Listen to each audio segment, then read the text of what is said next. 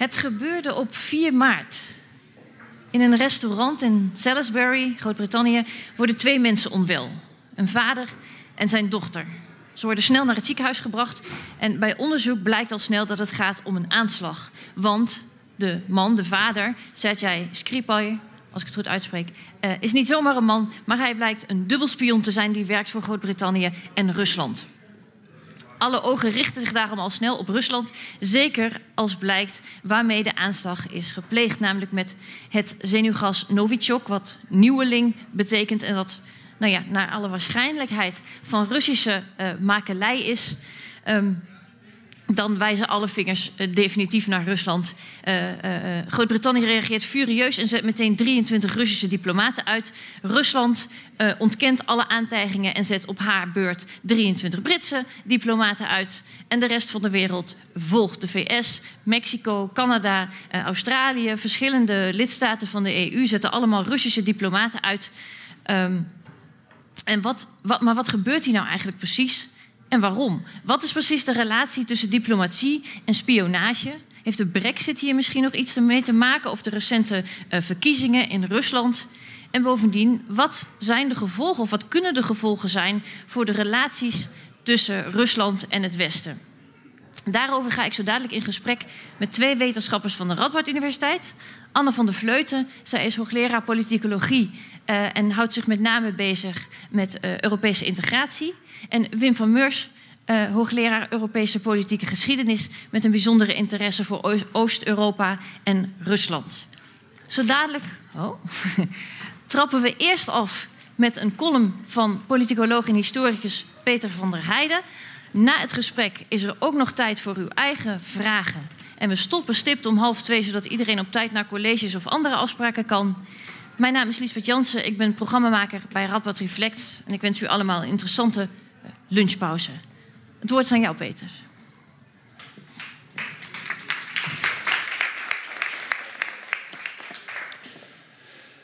Het leek wel een spannende, maar iets wat onnozele spionageroman een paar weken terug. Een overgelopen Russische spion die bijna dood wordt gevonden. Vergiftigd was snel het vermoeden. En dat is nu wel bewezen. Hoewel de smoking gun nog lijkt te ontbreken, wijst alles op Russische betrokkenheid. Sterker nog, Vladimir Poetin zou er zelf toestemming voor hebben gegeven. Waarom is volstrekt duister, maar het lijkt er weinig toe te doen. Alle aanwijzingen schreeuwen FSO.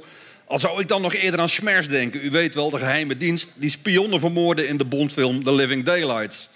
Een film die verder vooral bekend werd omdat de hoofdrolspeler in die film een klassiek acteur was.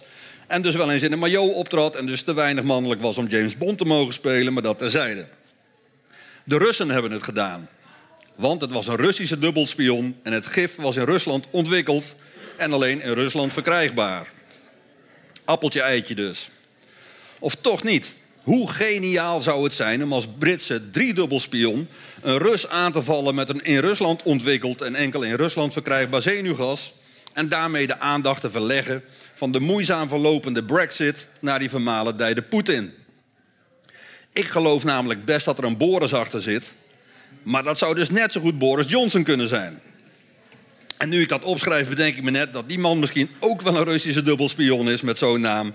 En wordt het me nu een beetje te ingewikkeld. Maar goed, we zijn hier vandaag om te spreken over de reactie van de westerse wereld op deze vermeende Russische agressie. Er wordt een diplomaatje of wat uitgezet. Als reactie doet Rusland zo meteen hetzelfde en dat is het dan weer. Dat zet natuurlijk geen zoden aan de dijk. Wat overduidelijk aan het worden is, is dat de westerse wereld absoluut niet in staat is om te anticiperen op Rusland. We moeten niet altijd weer achter de feiten aanlopen, maar gewoon in simpel een actie vooraf plannen. En ik zei wel dat de westerse wereld daartoe niet in staat is, maar één land biedt dapper weerstand. En dat is? Nou ja, dat zijn wij natuurlijk.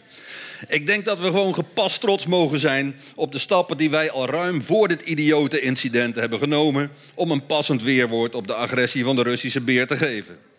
Ik heb gisteren contact gehad met de verantwoordelijke voor deze reactie.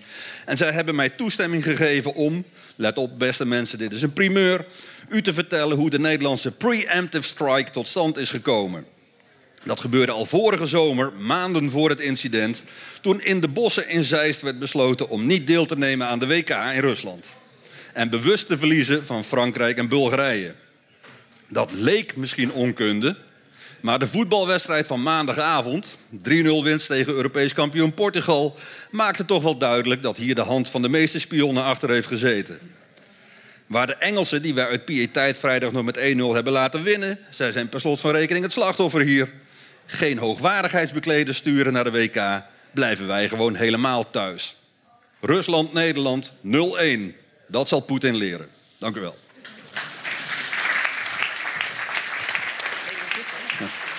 Oh ja.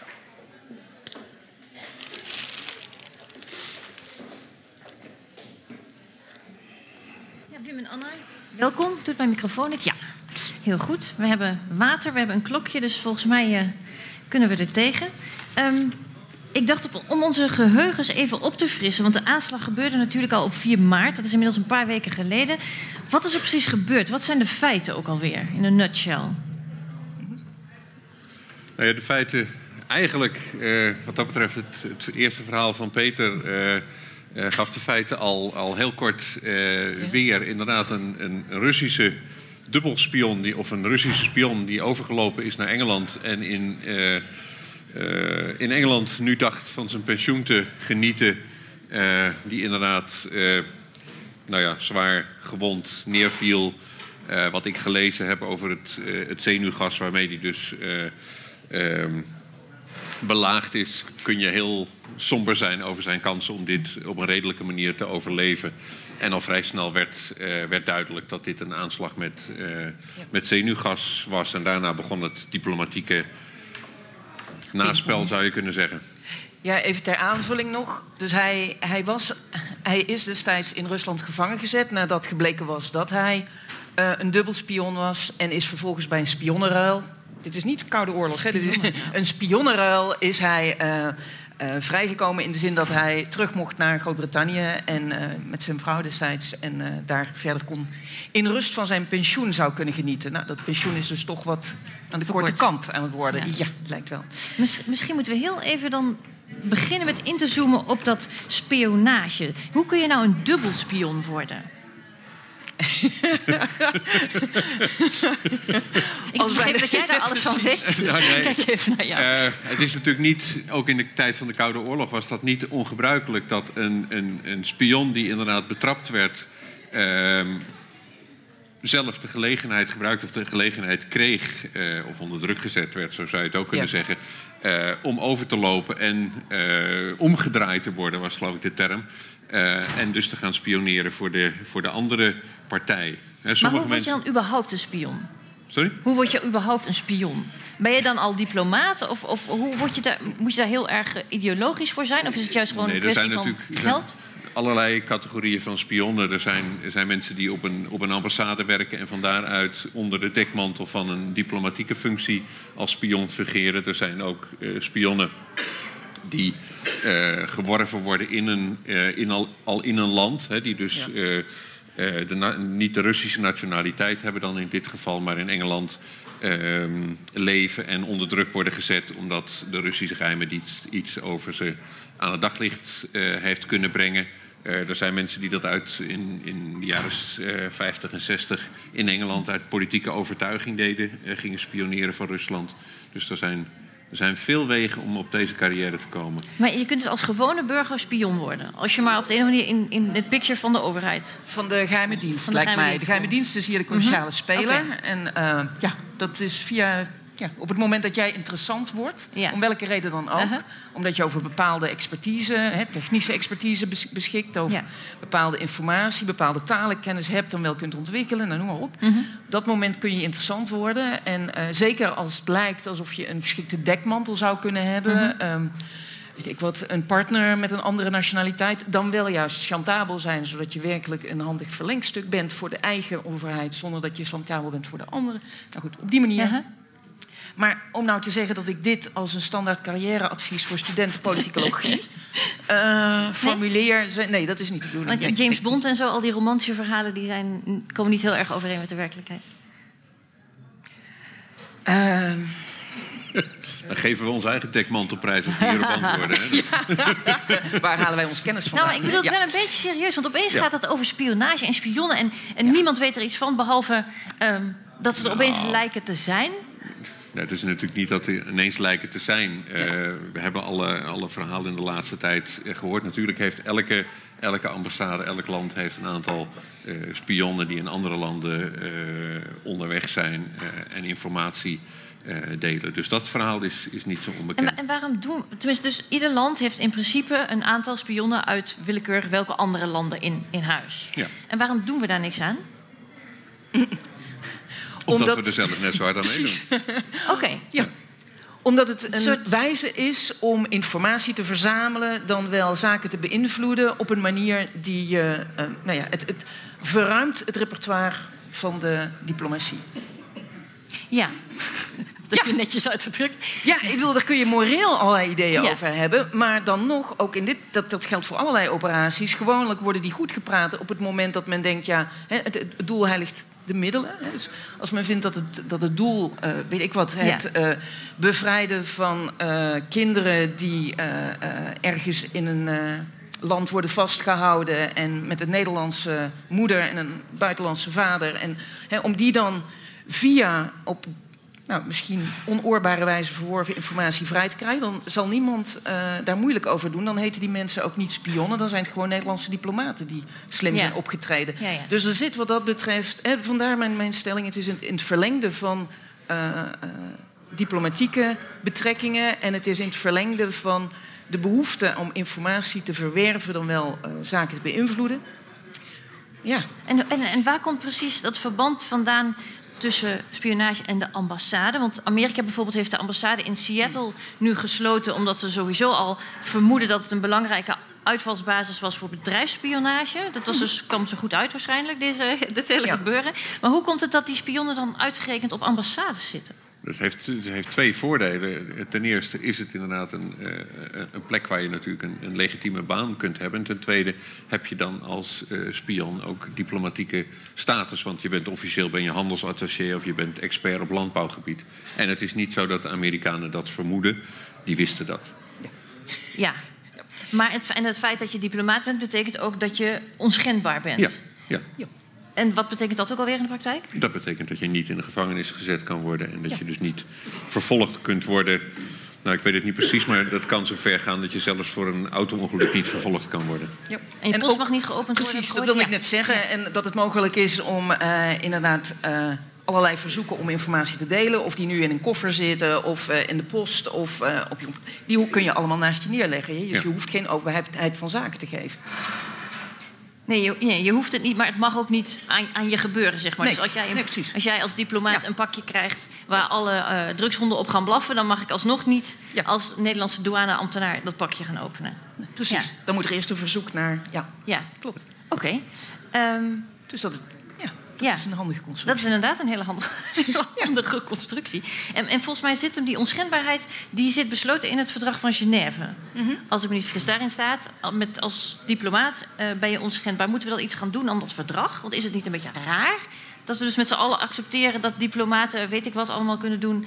Uh, zonder dat we daar... Uh, dat, principe, dat, principe, is al veel ouder. Dat je uh, voor het onderhouden van, zelfs tussen vijandige staten, uh, van gespreksrelaties, dat je diplomaten hebt die zo'n status van onschendbaarheid of een, een witte vlag, bij wijze van spreken, uh, hanteren. Mm -hmm. Dus mhm. het is de, de, de, ja, de grondsteen van diplomatie überhaupt.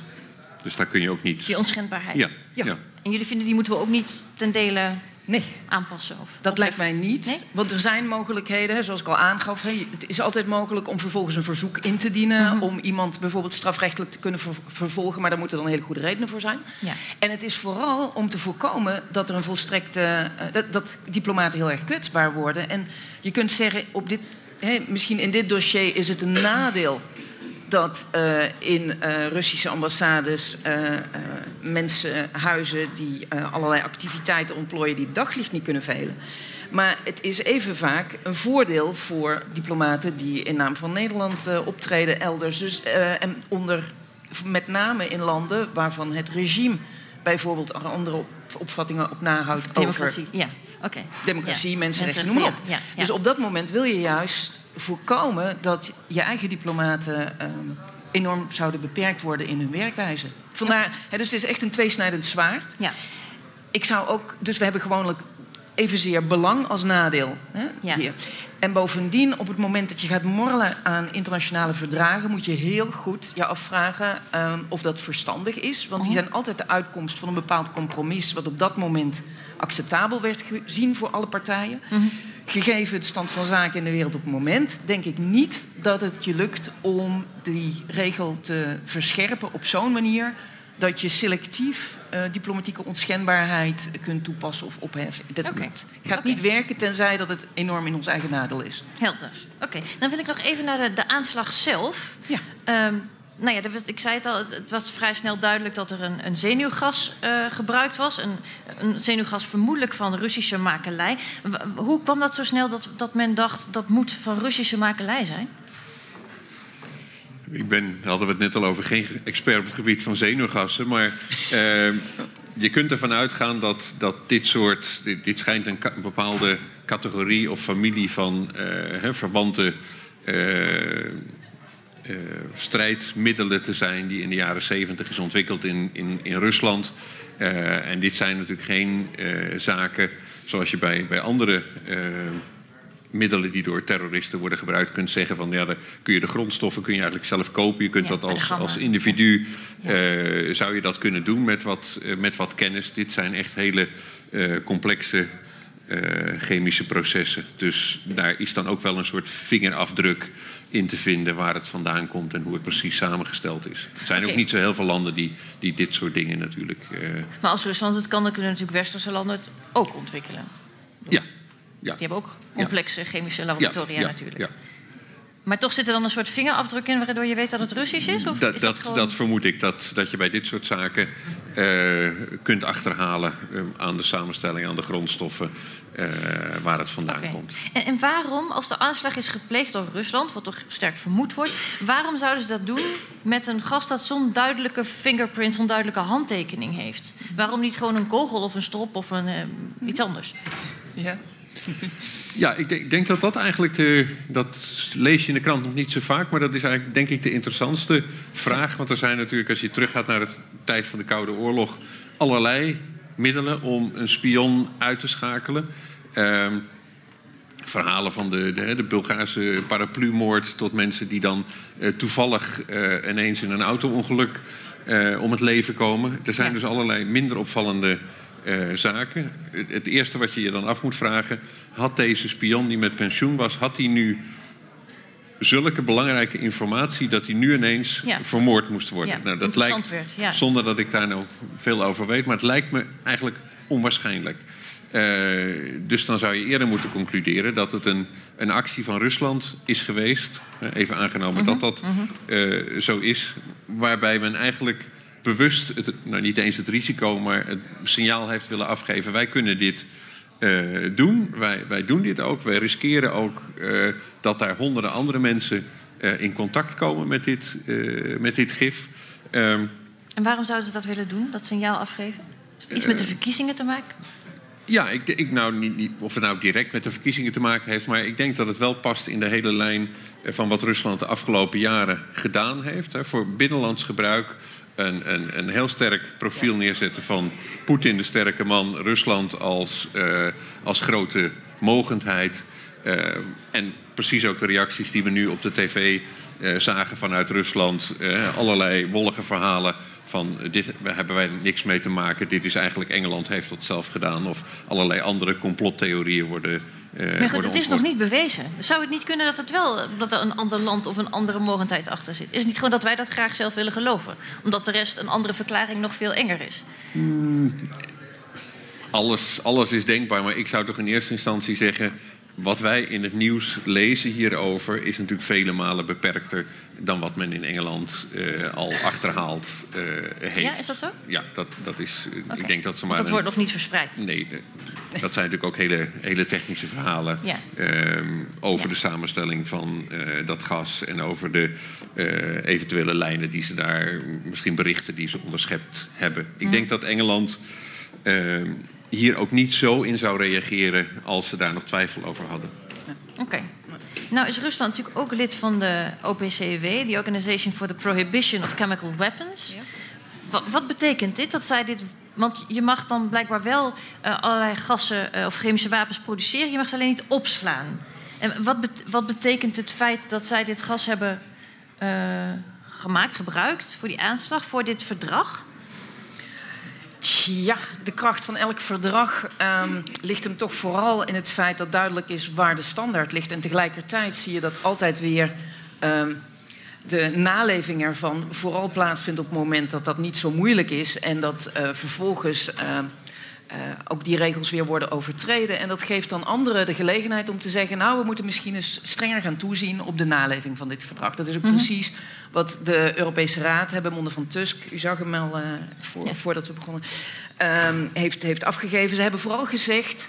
Uh, we moeten opnieuw samen met de NAVO eens gaan kijken of dat verdrag niet wat meer handen en voeten moet gaan krijgen. Dus opnieuw naar de, NAVO, de actieve naleving. Want uh, dat, dat is een soort standaard uh, reactie als ja. een verdrag wordt uh, geschonden. Ja. Dat men dan zegt, hmm, misschien moeten we daar eens over nadenken. Ja. ja. Maar het is tegelijkertijd zo dat meestal alle partijen wel enige mate van boter op het hoofd hebben. Um, en dat dat ook verklaart waarom die naleving niet voortdurend met strenge hand uh, ter hand wordt genomen.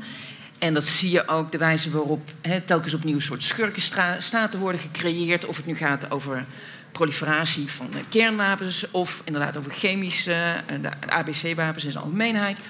er worden altijd bepaalde schurkenstaten gecreëerd. En er wordt gezegd, nou met dat regime, dit is nu wel een hele gevaarlijke combinatie. Gecreëerd in de zin van beeldvorming. Ja, ja. daar wordt dan aandacht ja. op gevestigd. Ja. En tegelijkertijd zie je dat uh, het niet zo is dat andere regimes, hè, waarvan wij, hoe heet dat zo fraai, like-minded partners mm -hmm. worden altijd genoemd, mm -hmm. hè, alsof die regimes dan in deze uh, helemaal uh, ja, geen blaam treft, helemaal nee. onschuldig ja. zijn, helemaal niets in de zin hebben. Nee. Dus het is een manier om selectief verontwaardiging op te kunnen roepen. En tegelijkertijd wil je dan ook weer niet dat het licht al te zeer op je eigen praktijken wordt gericht. He, dus dat, dat, is ook weer niet de bedoeling. Dus vandaar dat zo'n verklaring van de Europese Raad is heel nuttig in deze. Oké. Okay. Ja, het, het, we hebben het hier over een retorisch, een retorisch ja. spel. Ja, maar goed, als je kijkt naar de, de, de, praktische consequenties, de praktische reacties van alle overheden, ja. die zijn best wel pittig. En is dat zo? Wat nou. mij opvalt namelijk, ja. is dat het eerst een week of wat uh, redelijk stil blijft. En vervolgens uh, begint Groot-Brittannië inderdaad uh, steun te mobiliseren. En je ziet dat een aantal Europese staten, daar, EU-landen, daar, lidstaten, daar graag in meegaat. -huh. Um, ja, namelijk vooral diegenen ook die vaak, um, ja, die sowieso al um, het, het, beleid van Poetin met argusogen volgen. Hè. Neem, neem, een land als Zweden, de, de onderzeeërs en dergelijke, dat soort zaken. Dus, -huh. dus die, die springen graag op die trein. Tegelijkertijd zien we ook dat een aantal staten uh, duidelijk maakt van nee, uh, volgens ons is dit niet, hè, hoeven wij hier geen acties te ondernemen. Want aan de ene kant komt de EU dus met een gezamenlijke verklaring. Hè, eerst van de ministers van Buitenlandse Zaken en vervolgens een paar dagen later van de Europese Raad. Maar of je inderdaad ertoe overgaat diplomaten uh, terug te, uit te zetten, dat is volledig bilateraal. Dat, is, dat mag elk land voor zichzelf beslissen. Ja, precies. Ja. En we zien dus dat Bulgarije als voorzitter, tijdelijk voorzitter van de Raad van, uh, van de Raden van de Ministers.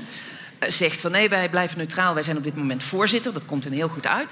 En vervolgens dat Oostenrijk heel expliciet zegt: nee, um, wij ondernemen geen actie, wij willen neutraal zijn in deze kwestie. Die zien hier een manier om uh, de eigen positie als een soort uh, bruggenbouwer, mediator, weet ik wat allemaal mm -hmm. nog eens te versterken. Mm -hmm. wij, wij hebben uh, zowel met het Westen als met, met Rusland goede relaties. Dus eigenlijk is het allemaal. Of, of hoe landen reageren is eigen Portugal, dat zegt van nee, ja precies. Dus die eensgezinde en felle reactie, Die zie ik niet zo. Bovendien, wat gebeurt er? Er worden enkele diplomaten uitgewezen. Het gaat niet om enorme aantallen. Het gaat ook niet om de ambassadeur her of himself. Nee, misschien moeten we dat onderscheid nog even maken, inderdaad. Want er worden diplomaten uitgewezen. Wat betekent dat, ja, wat betekent dat precies? Ja, het is in, in Koude Oorlogtermen was het de gebruikelijke reactie op dit soort situaties. Dat een, een, aantal uh, diplomaten uitgewezen werd. En um, je zou kunnen zeggen, de, het aantal diplomaten wat uitgewezen werd, was een soort graadmeter van hoe, ernstig men dit uh-huh. opnam. En inderdaad, de volgende stap van de escalatie was dan het, uh, het tot uh, ongewenst persoon verklaren van de, uh, van de ambassadeur. En dan bleef alleen een zaakwaarnemer over. Dus wat dat betreft. Precies, de diplomaten zijn in feite de, de ambtenaren, zeg maar. En als je de ambassadeur uitzet, daarmee verbreek je dan echt de banden met een land. ja. ja. Ja. Alhoewel, hè, ook dan nog altijd... Hè, er wordt altijd wel weer iemand aangewezen... die dan zo lang plaatsvervangend ja. die uh, betrekkingen ja. onderhoudt. Ja. En dus wat hier duidelijk is, is... we wijzen wel diplomaten uit. Zoals Wim aangeeft, hè, er is nog een escalatie mogelijk hierin. Mm Maar uh, ook die aantallen zijn redelijk bescheiden. Ja, want, uh, inderdaad, want je en, 23 en, zijn er uitgezet. Hoeveel zijn er dan? Hoeveel Russische uh, diplomaten zijn er in, in Engeland, in Groot-Brittannië? Ik voorbeeld? Honderden, oké. Ja, precies. Okay, goed. Veel. Ja. ja. Nee, dus het gaat echt om beperkte aantallen. En uh, zeker ook voor de andere EU-lidstaten.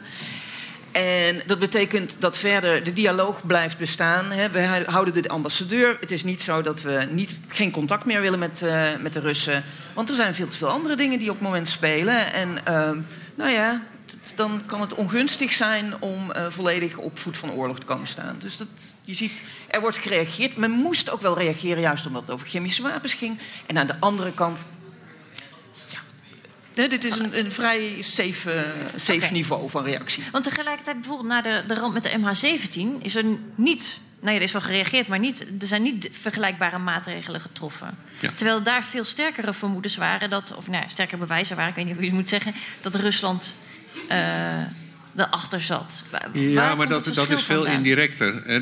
ik merkte ook dat de minister laatst op tv wat moeite had om dat uh, goed uit te leggen. Maar er zit natuurlijk een verschil in. Kijk, als, uh, als dit verhaal klopt, daar gaan we even vanuit. Dit ja. zenuwgas komt uit Rusland. Dan kun je ervan uitgaan bij zo'n actie dat Poetin daar zelf voor getekend heeft. Uh -huh. dat verhaal van de MH17. Uh, dat de Russen zo'n zo'n uh, hoe heet dat ding? boek. Boek. in die regio hadden en dat die misschien tijdelijk ter beschikking is gesteld aan, aan de lokale rebellen. Dat is allemaal de indruk die of het bewijsmateriaal wat naar boven komt. Maar wat eigenlijk ook wel duidelijk is, dat de bedoeling was om daarmee een, een vliegtuig naar beneden te schieten, maar niet een Nederlands verkeers- of een uh, Maleisisch verkeersvliegtuig. Nee. Uh, dus dat dit een, een vooropgezet plan uh, van de Russische regering is geweest. Het was min of meer een ongeluk en daarom is er ook anders op gereageerd. Ja, daarom is er ook anders op gereageerd. Ja. Hier zegt men eigenlijk: dit is een, een daad van agressie van ja. de Russische staat Precies, tegen de Engelse staat. Zo heeft Theresa May het ook geformuleerd. En het, wat ook een belangrijk verschil is, wat, wilde, wat, wat, was toen het doel ook? Wat wilde je eventueel bereiken? -hmm. Vooral dat Rusland zou gaan meewerken aan het onderzoek. onderzoek. En uh, op die manier daar in Oost-Oekraïne de eigen mensen, dan wel de, de rebellen, ja. die, hè, dat, dat ze die uh, daartoe zouden bewegen. Dat betekent dat je juist contact wil hebben op zo'n moment. Mm -hmm. En dat uh, uh, de sancties uh, die daar ingesteld zijn toen, hè, de economische, diplomatieke sancties, dat lag op een ander vlak. Hè, dat, mm -hmm. dat, ja, ja. Dus het is ook altijd de vraag: wat wil je bereiken? Ja, ja snap ik. Maar jij zei net, nou ja, deze maatregelen, het uitzetten van diplomaten, is eigenlijk een vrij milde, misschien zelfs symbolische uh, uh, actie. Maar ik las vanochtend toch ook een interview met, ik ben zijn naam even kwijt, maar een topman van de OVSE, van de Organisatie voor Veiligheid en Samenwerking, die juist zegt: Nou, um, dit heeft echt wel wat kenmerken van de, van de Koude Oorlog, maar dan uh, alleen nog eigenlijk wat heftiger, want minder voorspelbaar. Dit kan escaleren en dialoog wordt iets exotisch. Waren zijn woorden. Dus is het wel zo dat dit heel erg. Uh, staat er niet veel meer op het spel dan alleen maar een soort symbolisch pionnetje schuiven? Op het, op het grotere niveau natuurlijk uh, zeker. Hè. Dit, dit is wel het, zeg maar het spel waarin de nieuwe machtsverhoudingen en politieke verhoudingen tussen uh, Europa, het Westen en Rusland uit onderhandeld worden, zou je ja. kunnen zeggen. Dus die reactie doet er wel toe. Maar dit is niet een, een proces wat volledig ontspoord is en wat, wat escaleert. Op het moment dat, laten we zeggen, Poetin tekende voor deze handeling, wist hij ook wel, dat wordt bekend waarmee dat gedaan is. Daar krijgt Rusland de schuld van. Wij zullen dat ontkennen en dan zullen Russische diplomaten uitgezet worden. En dat nam je ook te koop toe. Of was het zelfs zo van, nou ja, het is verkiezingstijd, laten we de focus naar het buitenland leggen en dan hoef ik het niet met, over mijn interne politiek te hebben? Dat is eigenlijk de, de afgelopen 18 jaar de politiek van Poetin geweest. En nu, naarmate het in, in Rusland economisch uh, slechter gaat, uh, begint hij steeds meer de aandacht naar het buitenland te verleggen. Ja. Want hij handelt eigenlijk uh, vanuit een positie van zwakte en niet uit een positie van sterkte. Ja. Ja, ik zag ook een aantal korte gesprekjes met Russische burgers die gevraagd waren naar hoe, hè, hoe moeten we dit zien. En daar bleek natuurlijk, ja niet natuurlijk, maar daar bleek heel sterk uit een beeld van, ja, dit is allemaal Amerika. Uh, die wil het kapot maken, die gunt Rusland niet uh, zijn positie en zijn groeiende uh, vraagteken macht. Ehm, wat moeten we daarvan vinden? Is dat, kunnen, we dan, kunnen we dat heel makkelijk afdoen als ja, dat is propaganda van de Russen en wij, wij hebben de, de waarheid in pacht? Of is het, speelt er toch iets meer? Ik wil niet zeggen, het gaat niet zozeer om het, uh, het feit dat het propaganda is. Natuurlijk is er uh, voortdurend propaganda uh, in die richting... met allerlei complottheorieën dat de Engelsen er zelf achter zouden zitten... en weet ik wat allemaal. het geeft wel aan uh, dat de, een groot deel van de Russische bevolking, dat blijkt ook uit de verkiezingsuitslag, uh, meegaat in het verhaal uh, van Poetin. Van Rusland moet weer een grote mogendheid worden. Rusland moet het recht nemen om in Syrië een rol te spelen, om in Oost-Oekraïne een rol te spelen en ook op andere plekken. Maar heeft dat alleen maar te maken met een, een slechte positie van de journalistiek in Rusland? Of Nee, er is een voedingsbodem van frustratie bij de, en teleurstelling bij de bevolking. En uh, goed, het feit dat, dat, dat, dat dit gezien wordt als een, als een manier om de eigen positie te versterken, daar gaat het meer over het imago van Rusland, de reputatie van het eigen land. En dat is niet iets typisch Russisch op zich. Ik bedoel, als Nederlanders zijn we ook om de haverklap, uh, voelen we ons uh, al dan niet miskend. Kijk maar naar juist die vergelijking met MH17. Ja. Hè? Hoe ja. is het mogelijk dat wij toen. Nou, enzovoort. En dus dat, er is heel snel zo'n, uh, ook bij Nederland, zo'n Calimero-gevoel. Ja. Rusland heeft zeker geen Calimero-gevoel, maar de bevolking is wel teleurgesteld. Uh, ook door de economische problemen waar uh, ze ingeraakt zijn. En het feit dat de tijd na de Koude Oorlog hen niet gebracht heeft wat ze gehoopt hadden. En op dat moment is het natuurlijk voor het regime voordelig om te zeggen: het buitenland is schuld. En ja, ik, ik kan me voorstellen dat het voor veel mensen um, daar heel erg op teruggaat. Zo van vroeger was het beter. Mm -hmm. ja, dat is ook een bekende reflex die we allemaal hebben. Mhm. Vroeger is het, was het beter. En um, nu is het minder goed. Nou, en dat ligt dan aan. aan... De ander. Ja, ja. precies. Ja. Dat, dat, ja, dat is een bekende reflex. En, en ja. ja. Ik, zou, ik vind het niet gemakkelijk om te zeggen: het is een soort uh, enorm complot. of de zwakte van de media. of hoe nee. het spel wordt gespeeld volgens de instituties. zoals die in een land aanwezig zijn. Dat, hè? Maar um, dat gevoel van onvrede en frustratie over de eigen positie en over het land. Mm -hmm. Ja, dat, dat is een voedingsbodem um, ja. Voor dit soort reacties. Het is natuurlijk wel waar in Rusland uh, media die daar een kritisch geluid laten horen over de economische situatie uh, en die dat verhaal uh, nu van deze aanslag is anders zouden analyseren en zeggen van ja, het is toch wel inderdaad heel merkwaardig dat daar ja. Russisch gas wordt gebruikt. He, dus meer een soort ja. westers verhaal daarover zouden vertellen, die hebben het buitengewoon moeilijk in Rusland. Ja, dus de, de, grote hoeveelheid van de media, de tv met name, uh, is helemaal in handen of op handen van, van Poetin. Ja, maar om nou even advocaat van de duivel te spelen, zonder dat ik over ik wil niet in complottheorieën denken, maar zou je dat niet andersom ook kunnen zeggen? Ik bedoel, als je hier zeg, als journalist iets anders zou schrijven dan waarschijnlijk is het Rusland. Dan heb je ook niet maar heel welk veel. Belang, welk belang zou Groot-Brittannië erbij hebben om, om uh, een. Dat is nou juist de vraag. Oh, maar ik ga zo naar het publiek. Ja. Voor, om een voormalig, uh, voormalige dubbelspion, hè, inmiddels in rusten, uh, ja. op deze manier uit te schakelen. Ja, en er zijn weinig aanwijzingen. Iets anders geformuleerd. Uh, elke waarheid kan natuurlijk ook een zeer goede en perfide uh, vervalsing zijn. Zeker. Ja. ja. Dus wat dat betreft ja. komen we niet, uh, niet verder. verder. Nee. Inderdaad. korte vraag, een handopsteken vraag aan het publiek. Wie denkt dat Rusland deze aanslag heeft gepleegd? En wie denkt dat er andere landen, mogendheden, complotten achter deze aanslag zitten? Ah, toch een minderheid. Oké. Ik, ik, was al even uh, in verbazing geraakt. Um, het is half twee. We gaan afsluiten. Ik wil graag Wim van Meurs en Anne van der Vleuten heel erg bedanken voor hun aanwezigheid, voor hun gesprek, voor hun antwoorden op jullie vragen.